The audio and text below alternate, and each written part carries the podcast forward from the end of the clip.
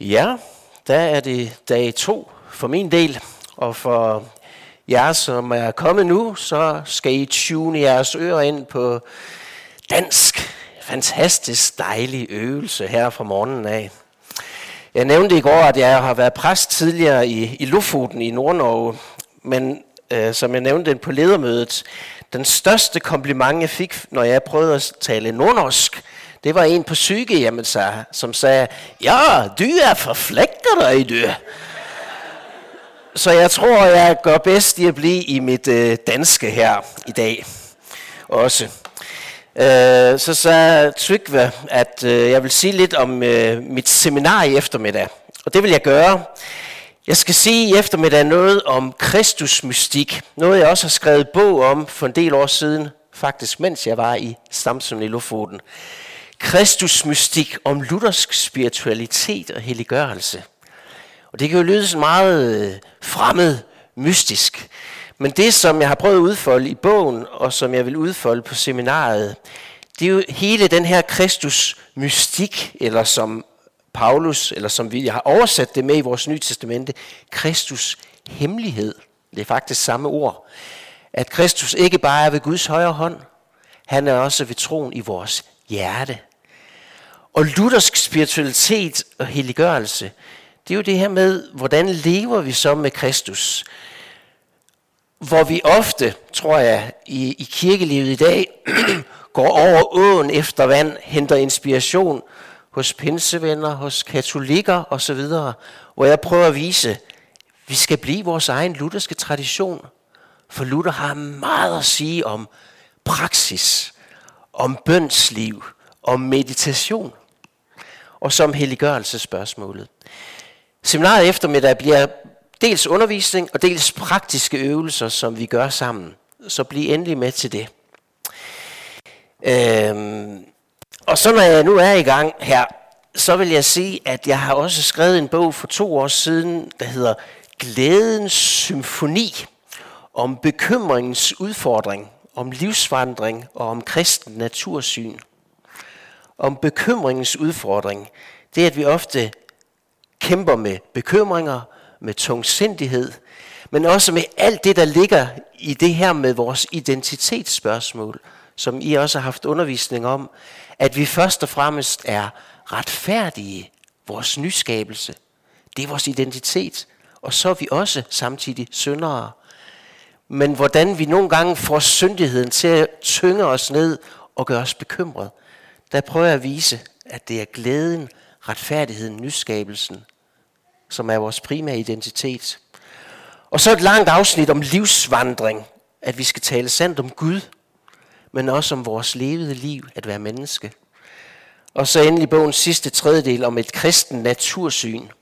Vi hører så meget i dag om miljøspørgsmål, om klimaudfordringen, men jeg prøver her også at vise, alt, hvad vi kan sige positivt om et kristen natursyn, at det er Jesus Kristus, der har skabt hele vores natur. Det er ham, der bevarer det. Og det at tale om klima og miljø, det er også at tale om Jesus Kristus. Så, glædens symfoni, og det jeg prøver at nå frem til, er, er jo i al ubeskedenhed, at de her to bøger faktisk kan købes. Jeg har taget nogle enkelte med, som jeg smuglede gennem tollen. Og så er det jo sådan lidt det her med, øh, den danske øh, krone er jo mere værd end den norske, så det lyder lidt dyrt, men det er det jo ikke i praksis. Special price for you, my friends. Glædens symfoni til 450 norske kroner. Og så Kristus Mystik til 300 kroner. Det er faktisk på tilbud. Og så skal dater få en gratis underskrift også. Yes, og jeg har jo ikke vips og den slags, så I, I må betale kontant, hvis I ønsker at, at købe. Og så lover jeg, at jeg bruger pengene videre på min norske ferie. Så køb bøgerne. Det er en investering i eget personligt kristen åndsliv, og det er en investering i norsk økonomi. Ja. Og så til dagens tema. Jeg skulle ønske, at hele Herrens folk var profeter. Lad os først bede en bøn. Ja, du i Gud, Far, Søn og Helligånd, Jeg priser dig, fordi du er her. Fordi du vil sige os på Lyngmo. Fordi du midt i det liv, som er vores, vil bo ved troen i vores hjerter. Vis os nu den forskel, du gør i vores liv. Og vis os, hvor meget vi behøver din hellige ånd. Hjælp mig at tale sandt om dig og om det at være menneske. Amen.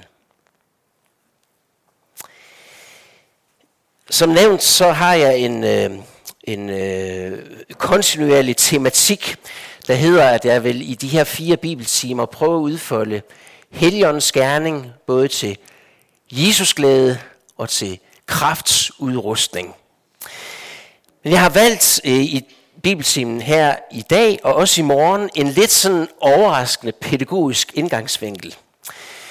For jeg vil nemlig bruge Moses som vores rollemodel. What? Moses? Det er jo i det gamle testamente, før Helligånden blev udgivet på pinsedagen. Ja, men Helligånden også aktiv og helt afgørende for Moses liv. Og Moses er en fantastisk rollemodel for os i troens modning. Når vi vandrer sammen med Moses, så lærer vi på aller stærkeste vis noget om, hvem er Gud? Hvem er jeg? Og hvilken forskel gør Helligånden i vores liv? Moses er virkelig en troværdig guide eller supervisor. For han er ikke bare den store troshelt i det gamle testamente. Ja, det er han også. Den store åndelige lederskikkelse. Men han er jo også et troværdigt menneske. Med troskampe. Med tvivl. Med fald. På den måde kan han midt i sin styrke og midt i ydmygelser være en troværdig guide for os, supervisor, til at lære os at vandre med Gud, at stole på Gud og være afhængig af Guds ånd. Derfor skal vi faktisk i dag på ørkenvandring sammen med Moses. Og jeg har valgt at gøre det sådan i dag, at øh, vi har sådan et kapitel grundlæggende øh, som vores tekst. Øh, vi får det læst højt, og jeg har bedt Trine om i små tekstbider at læse for os øh, på norsk, for det er hun langt bedre til end mig. Men det er også en fordel, hvis I har bibler med, og så kan følge med, for jeg har ikke teksterne, bibelversene oppe på, på skærmen. Men inden vi når til selve vores kapitel, så vil jeg sige bare en lille smule øh, om Moses forhistorie. Et kort ris af, hvem han er, selvom vi jo kender Moses godt.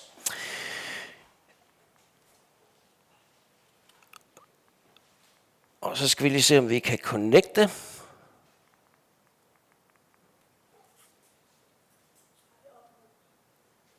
Hvem er det, jeg skal pege på? Der! Det er projektoren. Eller på Andreas. Vi får se. En lille smule om Moses forhistorie.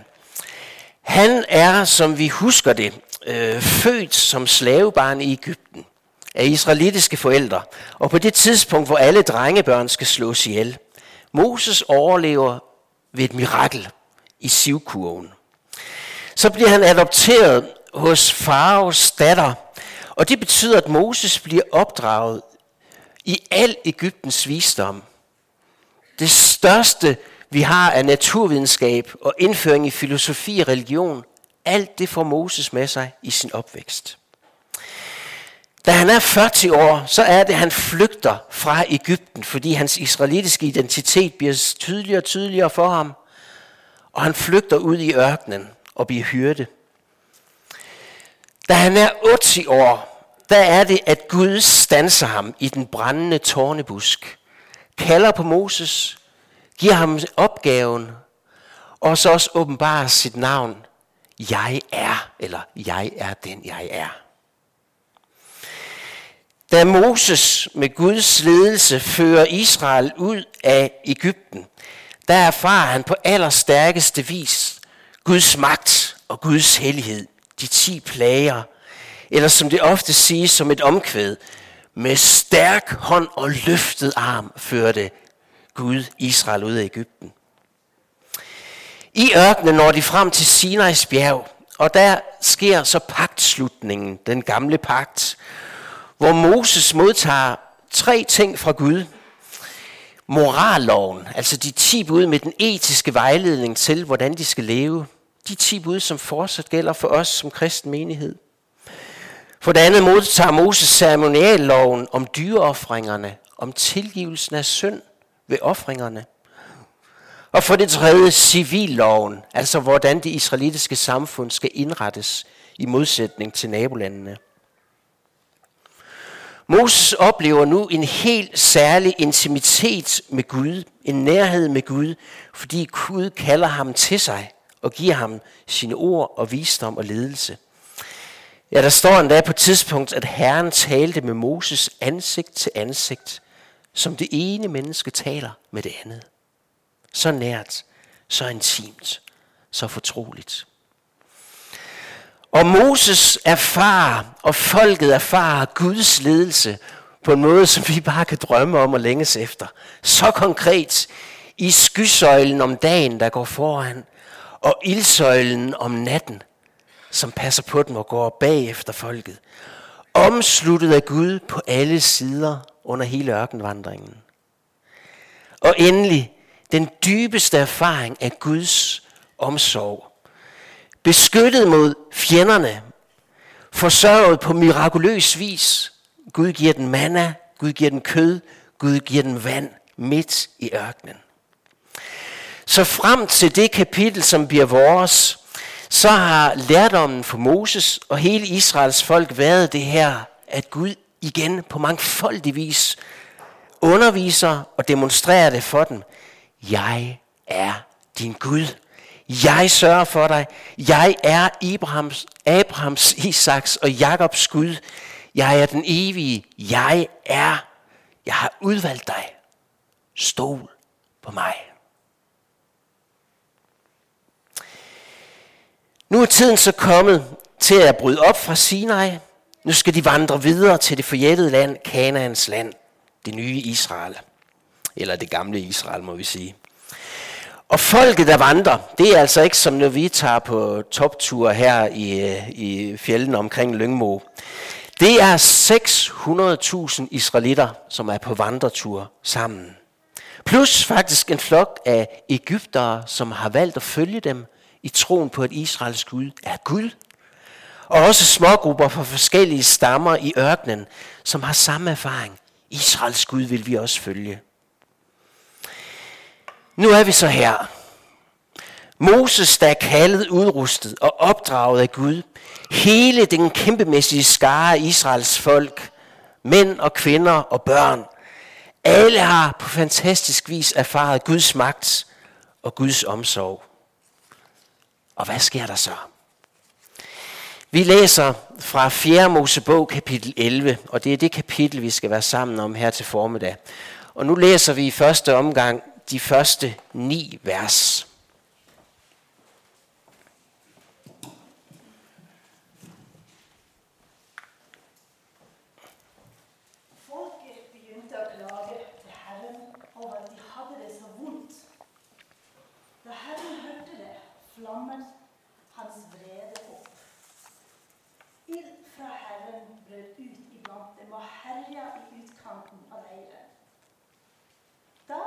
folket til Moses om hjelp. Han gikk i forbønn for dem hos Herren, og ilden slukna. De kalte dette stedet Tabera, fordi ild fra Herren hadde brutt ut blant dem der. Flokken av fremmede som hadde slutta seg til, de fikk veldig lyst på mat. Da begynte også israelittene å jamre seg igjen. Å, om vi kunne få spise kjøtt, sa de. Vi minnes fisken som vi spiste i Egypt, og som vi fikk for ingenting. Vi minnes agurkene, melonene og pyrren, rødløk og hvitløk. Nå svir det i brystet, for vi mangler alt. Vi ser ikke annet enn manna. Mannaen ligner korianderfrø og så ut som bedolagkvae. Folk løp omkring og sanket manna. De malte den på håndkvern eller støtte den i morter. Så kokte de den i en gryte og laget kake av den. Det smakte som oljekaker. Når duggen falt over leiren om natta, falt mannaen sammen med den. Jeg tror, det er vældig let for os at komme til at tænke, ej, hvor er de latterlige. Det er jo pinligt. Det er ynkeligt. Efter alt, hvad de har oplevet af Guds power, hans kærlighed, hans omsorg, hans ledelse. Og så opfører de sig sådan her. Dritunger, ikke sandt? Hvis bare vi har fået lov at opleve 10% af det, så havde været, vores tro været fast, klippestærk, uanfægtet kunne vi gå gennem livet. Er det ikke rigtigt? Det er enkelt at tænke sådan. Men lad os prøve at identificere os lidt med folkets situation. Jo hvis de har oplevet kæmpe store ting, åndelige oplevelser, mirakuløs indgreb, da de bliver udfriet fra Ægyptens slaveri. Men nu er det gået to år. To lange år. Og vi kan jo bare prøve at tænke tilbage nu, os som er samlet her. For to år siden, i 2021, hvad husker vi af Guds ledelse, hans kraft, hans bønhørelse, hans kærlighed, hans tilgivelse? Hvor meget husker vi egentlig alt det der med corona? Vi ikke måtte øh, være mange sammen, og vi måtte ikke synge, og vi skulle bære mundbind. Det er ligesom om det er langt væk. To år siden. Det er langt tilbage. Og de to år, som Israels folk har levet, det har jo ikke bare været et almindeligt, velordnet liv. Det har været krise, det har været kaos, det har været ørkenvandring i bogstaveligste forstand. To år i ørkenen med fjendtlige folk på alle sider. Perioder med sult, med tørst. Solen, der stikker og varmer alt for meget om dagen. Skrigende børn. Gamle, der besvimer i varmen. Mange, der dør. Har Moses overhovedet styr på det længere? Hvad laver vi i ørkenen? Skulle vi ikke hen til det nye land, Kanaan? Landet, der flyder med mælk og honning? Og så er vi her. Og så det der elendige manna. Det kan godt være, at det er guddommeligt. Det kommer fra himlen. Men helt ærligt, to år med det samme mad hver eneste dag. Mad, der smager som af oliekager. Eller som der står i den danske oversættelse, honningkagesmag. Jeg ved, mange af jer norske er glade for dansk vinerbrød på ferie i Danmark. Men prøv at forestille jer to år med vinerbrød. Man bliver lej. Det er ikke til at holde ud. Vi orker det ikke mere. Og så kommer tanken, hvis vi bare dog var blevet i Ægypten. Ja, ja, vi var slaver. Men i Ægypten havde vi fisk og agurk og vandmelon og kød. Come on, kan vi måske tænke. Det lyder jo stadig lidt tåbeligt og meget, meget forkælet, bortskjemt. Men jeg kan faktisk stadigvæk huske, det kan jeg faktisk godt huske, selvom det er 20 år siden, vi rejste fra København til Lofoten. Og den sidste tid i København var vældig travl og vældig præget af pakning og forberedelse. Og hver eneste kvæld, så blev det til pizza. Og til sidst, så var det ikke spørgsmålet om, skal vi have pizza i kveld? Nej, det var spørgsmålet om, skal vi have nummer 17 eller nummer 19? Ved den samme pizzeria der. Og den der særlige kombination af nummer 19 med noget skinke og noget ananas og så cocktailpølser. Jeg har det fortsat sådan, uff, jeg orker det ikke. Too much. Og vi kan jo spørge os selv, hvis vi har været i en livsørkenvandring, så er to år meget, meget lang tid. To år ramt af sorg, af krise, af uvidhed, af venteposition. Nu er det to år siden min mand døde. Nu er det to år mere, der er gået, og vi har stadigvæk ikke fået lov at blive forældre. Nu er der gået to år, og jeg føler mig stadigvæk ensom. To år, og jeg har stadigvæk ikke fået arbejde. To år, jeg kæmper med sygdom. Og de sidste to år er jeg faldet i den samme synd igen og igen. Jeg sidder ligesom fast. Der er gået to år. Jeg har kæmpet og bedt, men jeg har ikke fået en kæreste. To år. Og det er blev skilt. Det gør, at mit liv stadigvæk er i kaos. Jeg kæmper med sårene. Ørkenfølelsen i to år, eller fire år, eller nogle gange for os kan det føles som et helt liv, eller er som et helt liv, med samme smerter. Jeg kan ikke se nogen udvej, jeg sidder ligesom fast. Det er ikke til at holde ud. Og selv når vi så samles i menigheden, og på Lyngmo, så hører vi hele tiden de andre snakke om Guds løfter, og lovsangene om Guds godhed. Det lyder så fint. Det lyder også alt for nemt. Det er ikke til at holde ud. For jeg oplever det ikke sådan. Jo, jeg tror faktisk godt, vi kan identificere os med Israels folk i ørkenen. Hvis jeg bare havde haft et andet liv. Hvis bare det ikke var sket. Hvis bare Gud havde gjort sådan her. Så havde mit liv været langt, langt bedre. Har Gud overhovedet styr på noget som helst? Vil det være bedre for mig, at jeg dropper det kristne, forlader menigheden, forlader Gud? Vi skal altid være ærlige. Ærlighed over for hinanden, og ærlighed over for Gud. Men der er en vigtig pointe her, i det som folket gør, som vi ikke skal gøre. De åndelige oplevelser forsvinder over tid. Og i ørkenen kan tørken være dræbende. Men det folket gør, det er, at de vælger at klage over Gud. De klager på noget, så de i praksis siger, vi vil hellere være uden Gud. Vi vil være uden Moses, vi vil være uden Gud. Vi vil bare tilbage til Ægypten, det vi kendte, hvor vi i det mindste ved om præmisserne. De klager over Gud på en måde, så de i praksis vil afskaffe ham. Og det er ikke første gang, de gør det her i 4. Mosebog kapitel 11. De gjorde det også, da de stod ved Sivhavet og havde Ægypterherren bagved og havde foran sig. Gud, vi vil ikke mere, vi vil bare tilbage til Ægypten. Og de gør det faktisk fire gange i alt i ørkenen.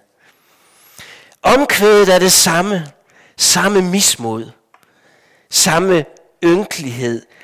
Moses, havde, du, har du ført os ud i Ægypten bare for, ud af Ægypten her til ørkenen, bare for at vi skal dø? Var der ikke grave nok i Ægypten?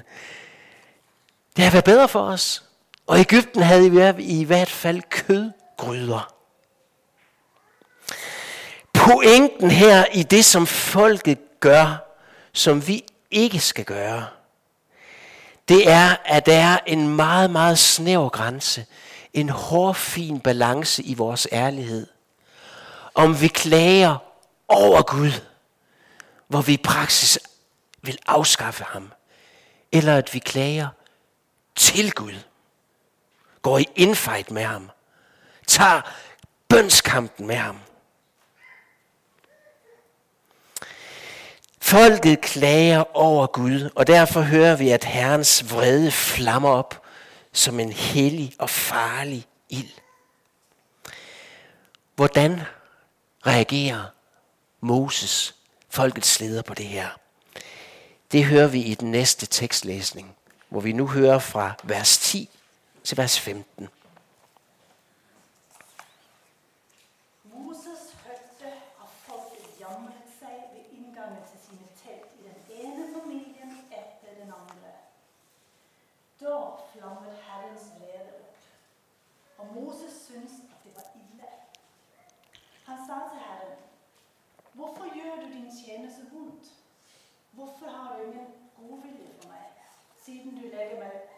lægger på meg den byrden og sørger for hele dette folket? Er det jeg, som har født hele dette folket, siden du byr mig og ta det ved barmen, liksom en amme tar et spedbarn og bærer det til landet, som du lovte deres fedre? Hvor skal jeg få kjøtt fra til hele dette folket når de jamrer seg og sier til meg, la oss få kjøtt å spise. Alene greier jeg ikke å bære dette folket. Det er for tungt for meg. Vil du lage det slik for mig, så lad mig heller dø med en gang. Hvis du har god vilje for mig, så lad mig slippe at opleve det som blir min ulykke. Tak. Vi møder her en anfægtet Guds tjener. Moses er tæt på det helt store sammenbrud. På nedsmeltningen. Meltdown. Ja, han orker faktisk ikke mere nu. Troshelten over dem alle. Han er nået ud over sin grænse. Moses, der fra begyndelsen af sit kald også var tøvende og modvillig, men som har gået i stærk tillid til Guds styrke og løfter. Han er nu nået ud over grænsen. Hvorfor Gud? Hvorfor?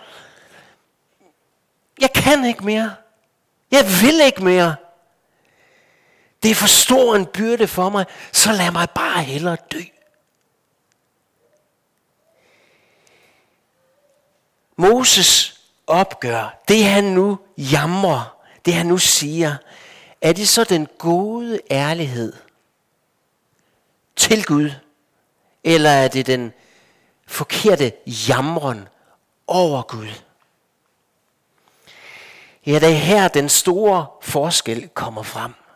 For det Moses gør, det er jo ikke, at han går rundt til Aaron, eller Miriam, eller Josva, og klager over, det er også forfærdeligt, det er træls, vi kan ikke mere, too much. Nej, han går til Gud. Han går i infight. Han tager bønskampen.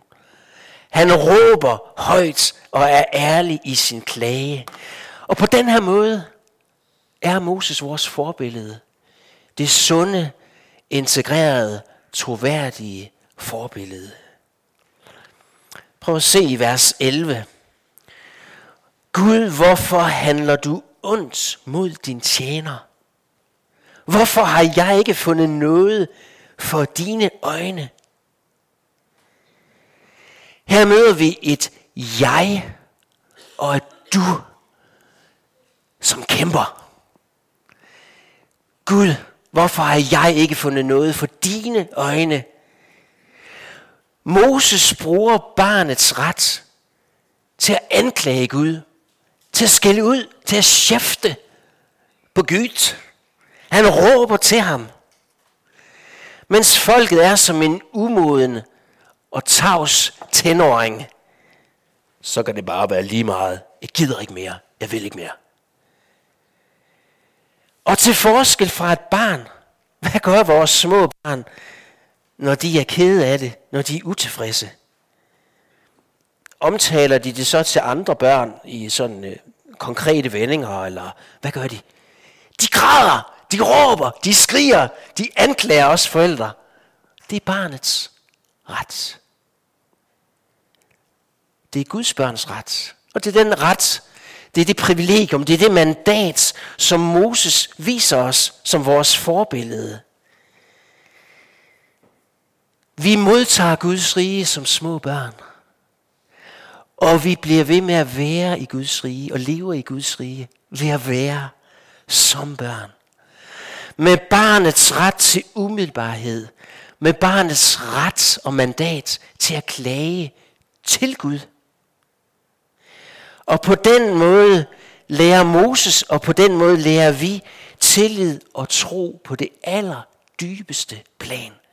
Der hvor vi er ude over den dybeste revle i havet, ude over vores grænse, hvor kun Gud er, og hvor kun vi er.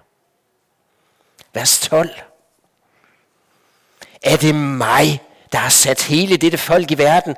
Er det mig, der har født det? Siden du siger til mig, at jeg skal bære det i favnen til det land, du har lovet deres fædre, ligesom en plejefar bærer spædbarnet. Kan I høre, hvad Moses gør? Jamen, det kan næsten lyde blasfemisk, latterligt, bespotteligt. Men det er det ikke. Det er barnet, der råber til far. Er det mig, der skal gøre det hele? Hvor er du? Ja, det er næsten komisk, det han gør. Men ved du hvad?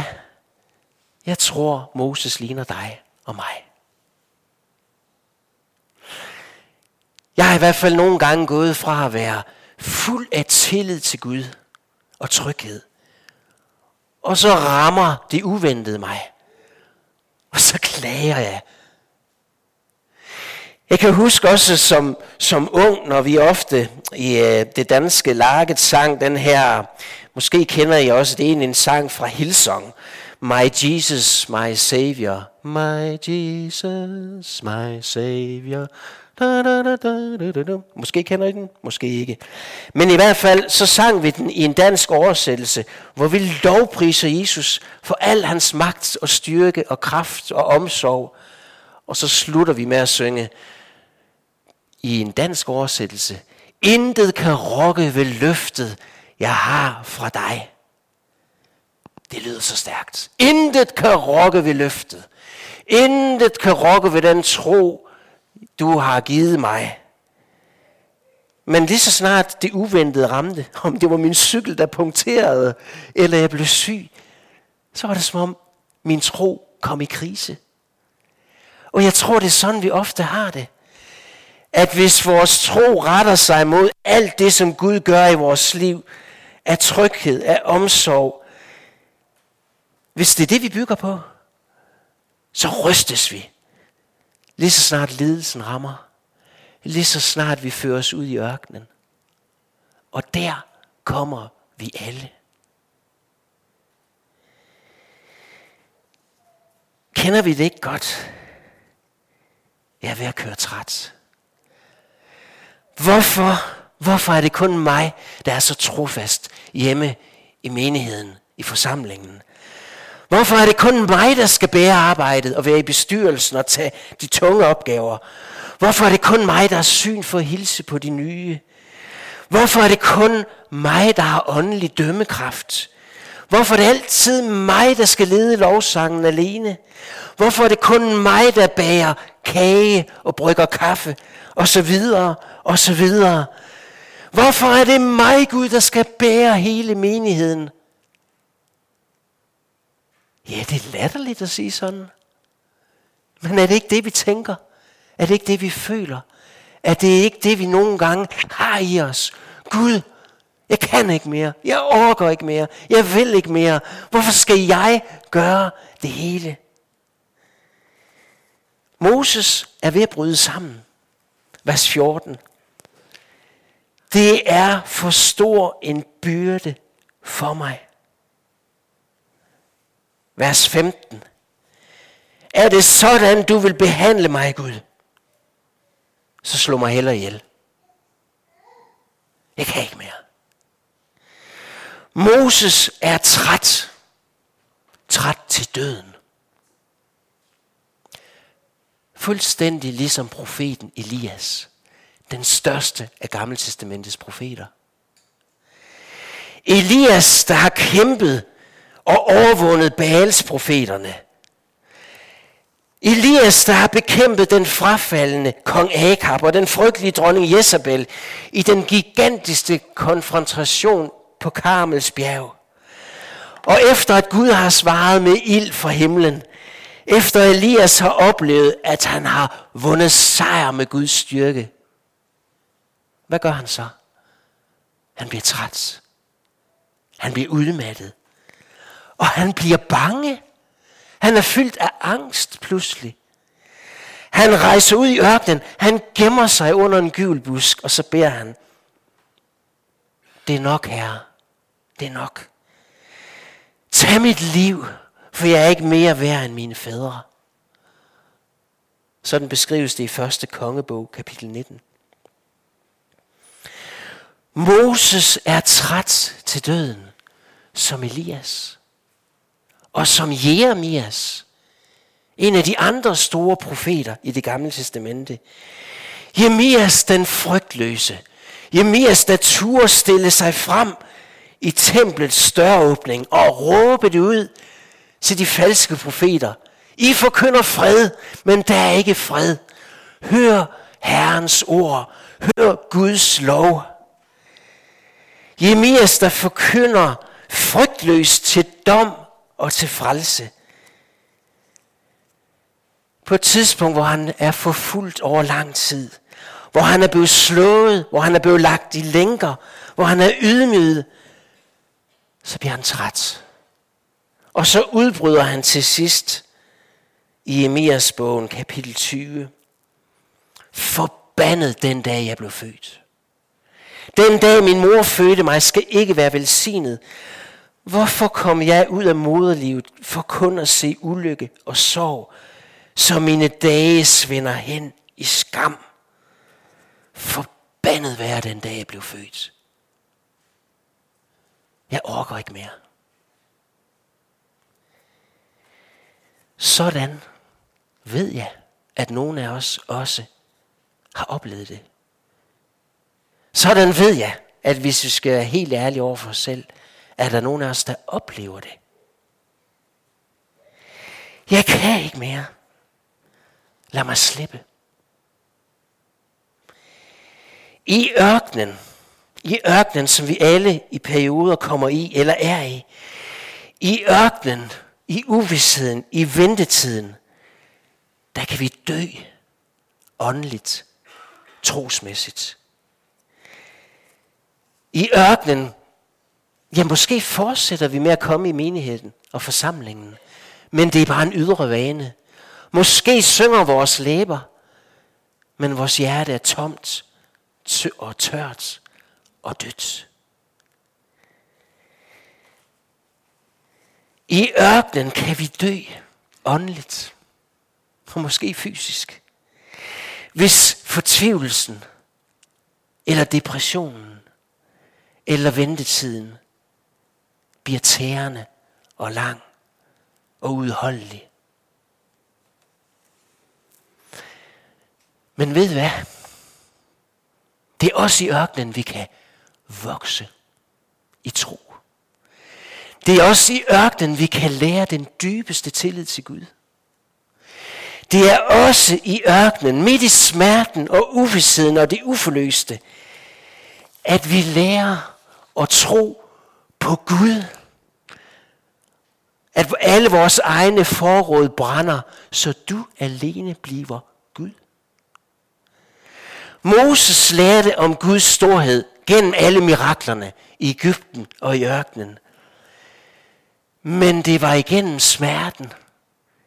Det var igennem ørkenens udholdenhed, at han lærte hvilen og tilliden til Gud. På samme måde er det for os. Ja, vi lærer om Guds storhed og magt og kraft, når Gud griber ind i vores liv. I bønhørelserne, gennem lovsangen, gennem den forkyndelse, som nogle gange gør os højstemte og frimodige. Men den dybeste hvile, den dybeste tillid, den lærer vi i vores smerte, i vores ensomhed, i vores ørkenvandring. Når vi har været i infight med Gud, når vi har våget konfrontationen, den hudløse ærlighed, når vi råber til Gud igennem vores nederlag. Og det gør ondt. Ja, det smerter. Og der er nogle sår i vores liv, der er nogle ar, som vi så gerne skulle have været foruden, for vi vil bære den med os. Men de sår og ar, vi lever med og integrerer i vores vandring med Gud, det er de sår, det er de smerter, som lærer os at tro på Gud. Og lærer os barnets tillid. Det er som patriarken Jakob, der kæmpede med Gud, og med de berømte ord sagde, jeg slipper dig ikke Gud. Jeg slipper dig ikke, før du velsigner mig. Jeg insisterer. Jeg er i infight med Gud. Eller det er som C.S. Lewis, den berømte forfatter af Narnia-bøgerne, som vi kender som bøger eller som film. Børnene, Susan og Peter og Lucy og løven Aslan, Kristusbilledet. C.S. Lewis han siger, Gud visker til os i vores fornøjelser. Gud visker til os i vores fornøjelser. Men han råber til os i vores smerte. Det er den megafon, han bruger til at vække en døv verden. Smerten er Guds megafon. Det er den, han bruger til at vække vores døve ører, vores døve vanetro. Og vi skal ikke tage fejl. Det onde i vores liv, det er fortsat ondt. Smerten, det er aldrig Guds gode vilje. Lidelsen er ikke noget, Gud har villet, og vi altid kan sige, at Gud har en mening med det, derfor skete det. Nej, så enkelt er det ikke. Det kan blive noget forfærdeligt vrøvl. Men Gud kan bruge det onde til noget godt. Han kan vende det onde til noget godt. Han kan bruge lidelsen, så vi lærer tillid. Martin Luther siger, at lidelsen er Guds fremmede gerning. Ikke hans egentlige gerning, men hans fremmede gerning, som så bliver til noget godt. Og C.S. Lewis siger altså, lidelsen, smerten er Guds megafon forstærker højtaler.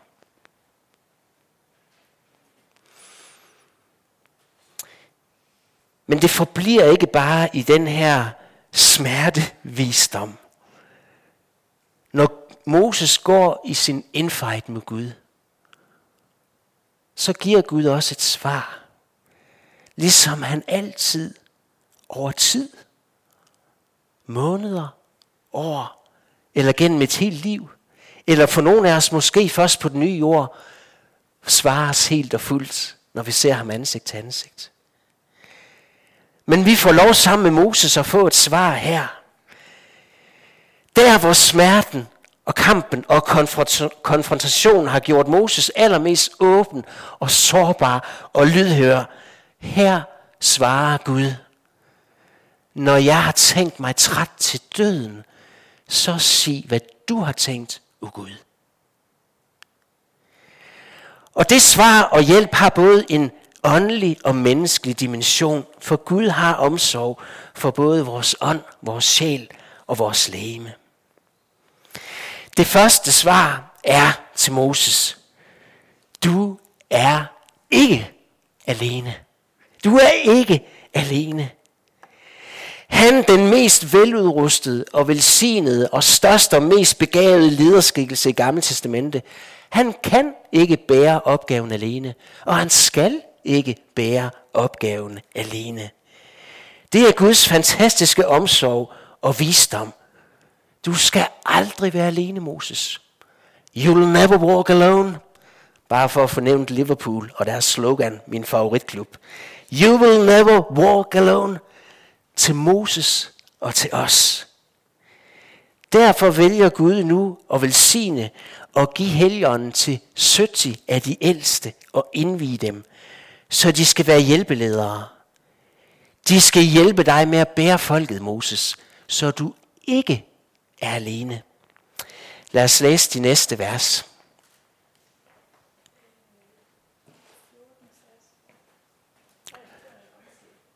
Ja vers 14, så kan jeg sige etterpå. Um, og det er det Moses siger. Alene greier jeg ikke å bære hele folket. Det er for tungt for meg. Og så 16. Vers 16 til 17. Da sa Herren til Moses, la 70 av Israels eldste komme sammen. De som du vet er folkets eldste og tilsynsmenn. Ta dem med deg til møteteltet og la dem tre fram sammen med deg. Så vil jeg komme ned og tale med deg der. Jeg vil ta av den ånd som er over deg, og gi til dem. De skal hjelpe deg å bære den byrde som dette folket er. Så du slipper å bære den alene. Og så tager vi også vers 29 med. Men Moses svarte, er du harm for min skyld? Jeg skulle ønske at hele Herrens folk var profeter at Herren ville lægge sin ånd på dem. Tak. Det er en helt afgørende og vigtig påmindelse for alle os. Det, som nu bliver svaret til Moses. Vi skal aldrig stå alene i tjenesten. Vi skal aldrig stå alene. Uanset hvor ressourcestærke vi måske oplever os selv, uanset hvor robuste vi er, tænk også på Jesu visdom, da han sender sine disciple ud for at prædike og undervise og helbrede. Hvordan gør han så? Han sender dem ud. To og to. Aldrig alene. Moses fik 70 medhjælpere til et helt folk. Det er påmindelsen til os. Vi skal ikke arbejde og slide alene i menigheden, for så kører vi trætte. Så mister vi modet. Så når vi ud over vores grænse.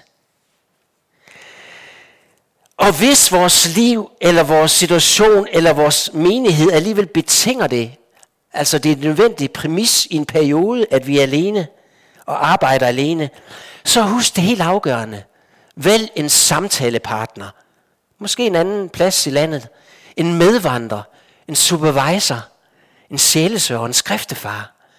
Så for at du aldrig er alene i børneklubben.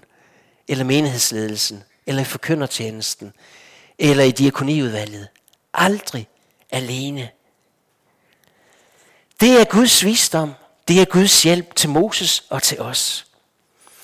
I den gamle pagt var det jo en slags dispensation, at helgeren nu ikke kun blev givet til lederskikkelsen, som vi så på i går, konge, præst, profet, men at helgeren nu bliver delt ud og udgivet over 70 af de ældste. Til os, som lever i den nye paks tid, så er det jo pinsens mirakel, at Gud har givet os alle sammen denne helt afgørende udrustning og gave. Helligånden til kraft, styrke, udrustning, Jesus glæde og tjeneste. For Gud har jo virkelig opfyldt og indfriet den længsel, som Moses formulerer, efter han oplever, at 70 af folket får helligånden Åh, jamen gid, at hele Herrens folk var profeter, fordi Herren lagde sin ånd på den. Det er længslen efter pinsedag. Men det første svar til Moses og til os, det er altså dette. Du skal ikke være alene. Du er aldrig alene. You'll never walk alone. Og så kommer så det andet svar, som vi skal læse nu, som handler om, at Gud vil lære os at stole på ham. Versene 18 til 23.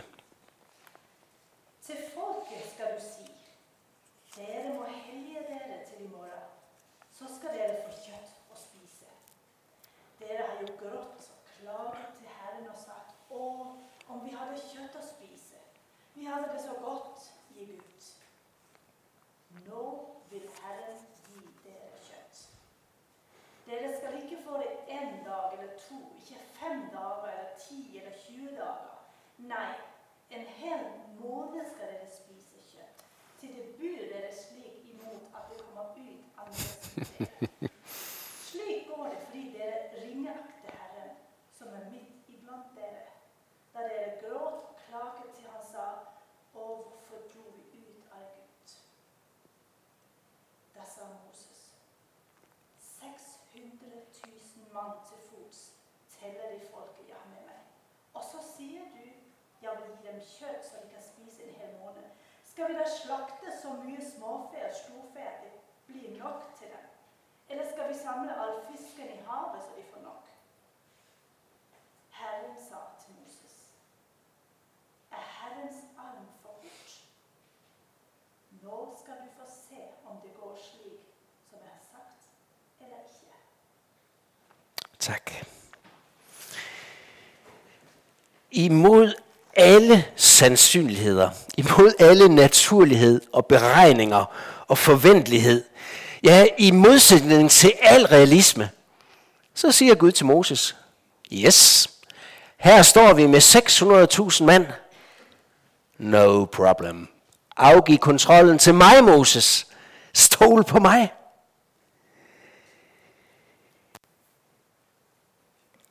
Og dem, der mener, at Gud ikke har humor, De skal høre igen efter, hvad han siger her. Jeg vil give, da er der så meget kød, at det står ud af næsen på jer. Fantastisk billede. Afgiv kontrollen, Moses. Stol på mig. Jeg tror faktisk, det her er vores kristne tros aller, aller vanskeligste og vigtigste læresætning. Det allervanskeligste i vores tro, det er ikke treenigheden, eller retfærdiggørelsen, eller vores dobbelte identitet samtidig retfærdig og sønder.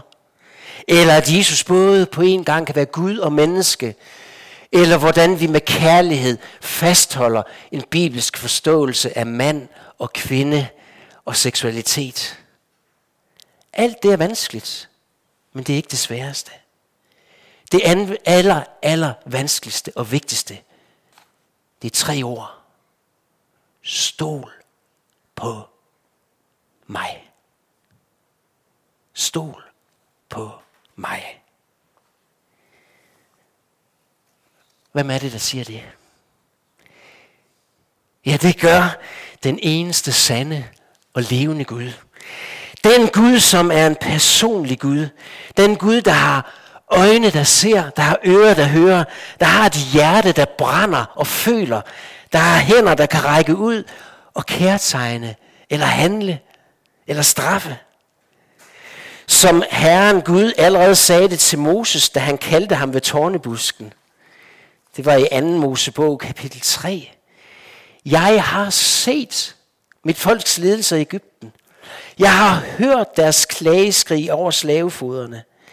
Jeg har lagt mig deres lidelser på sinde, og derfor er jeg kommet ned for at redde dem fra Ægypterne og føre dem op fra dette land til et godt og vidtstrakt land, et land, der flyder med mælk og honning. Gud har set, Gud har hørt, Gud har lagt sig lidelserne på sinde, på hjerte, og derfor så agerer han, han handler, han kommer ned og redder. Og så spørger Gud retorisk til Moses, er min arm for kort? Er min arm for kort? Ja, hvor, hvor lang er Guds arm? Hvor langt når den ned? Det tænkte Moses. Kan han nå ned til mig i min ørken? Og det tænker vi nogle gange. Kan Guds arme nå ned til mig i min ørken? Helt derned, hvor jeg føler mig ensom og forladt. Er han her? Er han hos mig?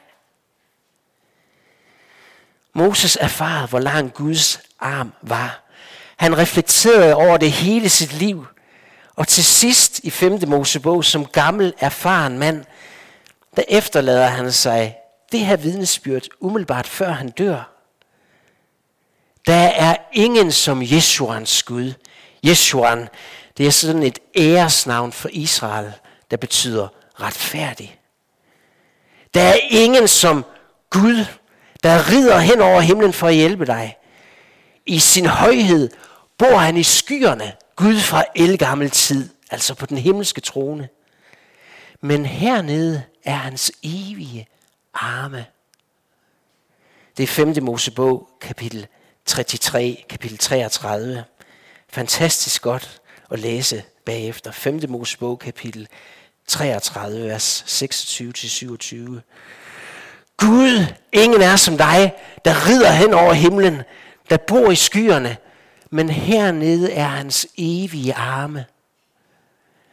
Eller som Esajas skal sige det i kapitel 57 i Esajas bogen. Gud bor i det høje og det hellige, men også hos den, der er knust og i ånden nedbøjet. Sådan er Gud. Sådan er Gud. Er min arm for kort? Stol på mig. Eller som Jesus siger, vær ikke bekymret for jeres liv. Vær ikke bekymret for dagen i morgen. Vær ikke bekymret. Eller et andet sted, kom til mig, alle I som slider jer trætte og bærer tunge byrder, og jeg vil give jer hvile. Eller som apostlen Peter, også som den erfarne gamle mand, der har oplevet både ydmygelse og fald og troskampe. Nu siger han med fuld tillid i sit første brev, kapitel 5, Ydmyg jer derfor under Guds stærke hånd. Og kast al jeres bekymring på ham, for han har omsorg for jer. Er min arm for kort? Er min arm for kort, siger Herren. Stol på mig. Stol på mig. Jeg vil sørge for dig. Og så får vi sådan en elegant overgang til afslutningen og vidnesbyrdet og den konkrete øh, bøndesvar, når vi læser vers 23, den anden halvdel af vers 23. Nu, Moses, skal du få at se, om det, jeg har sagt dig, sker eller ej. Nu skal du se det. Og så hører vi dagens sidste tekstlæsning.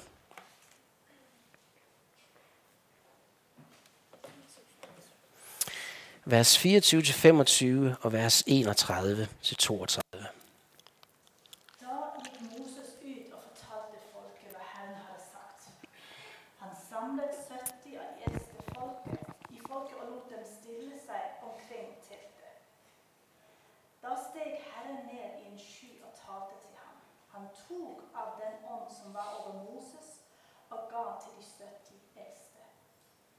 Ånden var kommet over dem, talte de profetiske ord. Men det gjorde de ikke siden. Da brøt det løs en storm fra Herren. Den førte vakle inn fra havet og strødde dem utover leiren. Ett lag på to alen. Så langt som en dagsreise på begge sider rundt hele leiren. Folket gikk ut og samlet vakler hele dagen natten og hele neste dagen med. Ingen sanket mindre enn ti homer. Og de la dem i hodet rundt hele leiren. Tak. Gud holder sit ord. Gud opfylder sit løfte. Herrens arm er ikke for kort. Hernede er hans evige arme. Hernede er hans hænder som kan røre ved vores liv. Som kunne kærtegne folket. Kærtegne Moses. Hernede er Guds arme, som kan kærtegne os. Som kan tørre tårerne af vores kinder. Og give os rygstødet skubbet fremad til ny tillid, til at møde dagen i dag. Gud udgyder sin ånd over de 70 ældste og indviger dem som medleder til Moses, og så viser han det så konkret ved, at han også opfylder sit løfte, ved at en storm bryder løs. Hvad var det nu med vind og storm? Jo, et andet udtryk for Guds hellige ånd i funktion. Guds hellige ånd miraklet og skaber et kæmpe kød under. Et kæmpe under med vaklerne, fuglene, så der bliver et festmåltid for hele folket på 600.000. Guds arm var sandelig ikke for kort. Ja. Så til allersidst opsamling. Hvad har Moses gennemlevet i det her kapitel 11? Og hvad har vi gennemlevet og lært? For det første, når vi er i ørkenen, når vi skal overleve i vores ørkenen, så skal vi gå til Gud. Så skal vi klage til Gud. Så skal vi våge den ærlige indfejt, Græde, protestere, skille ud. Gå til Gud. Og så i den rette tid, i Guds time, når han ser det rigtigt, så vil han lære os den allerdybeste tillid og hvile. Som et barn, vi kender det, når vores børn er små, og de græder og skiller os ud og er utilfredse. De græder og græder, uh, åndedrættet går. Men når de til sidst falder til ro, fordi mor eller far siger, det er sådan det er. Stol på mig. Stol på mig. Når barnet falder til ro til sidst, bliver stille, der mærker vi barnets tillid.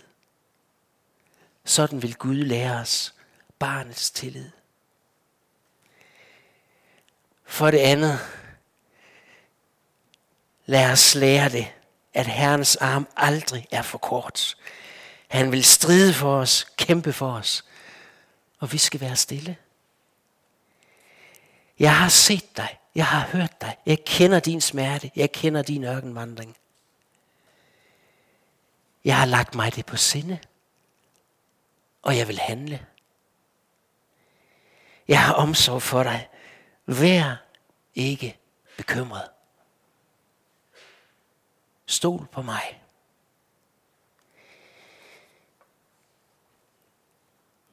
Du træner i Gud. Tak, at jeg må være et barn. Som et barn. Guds barn. Jeg er hos dig, min Gud, som fuglen i sin rede.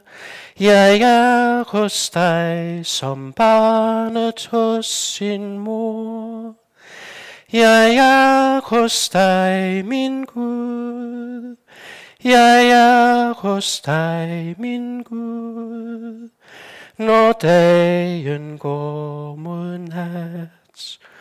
Vær nær hos mig, vær nær hos mig, min Gud, så har jeg ro. Amen. Lad os bede.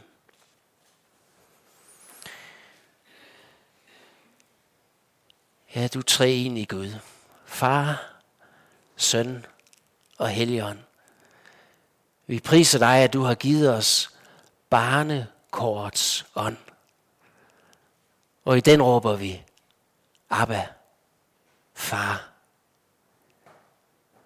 Jesus, bror, Helligånd, du bor i os og vil aldrig forlade os.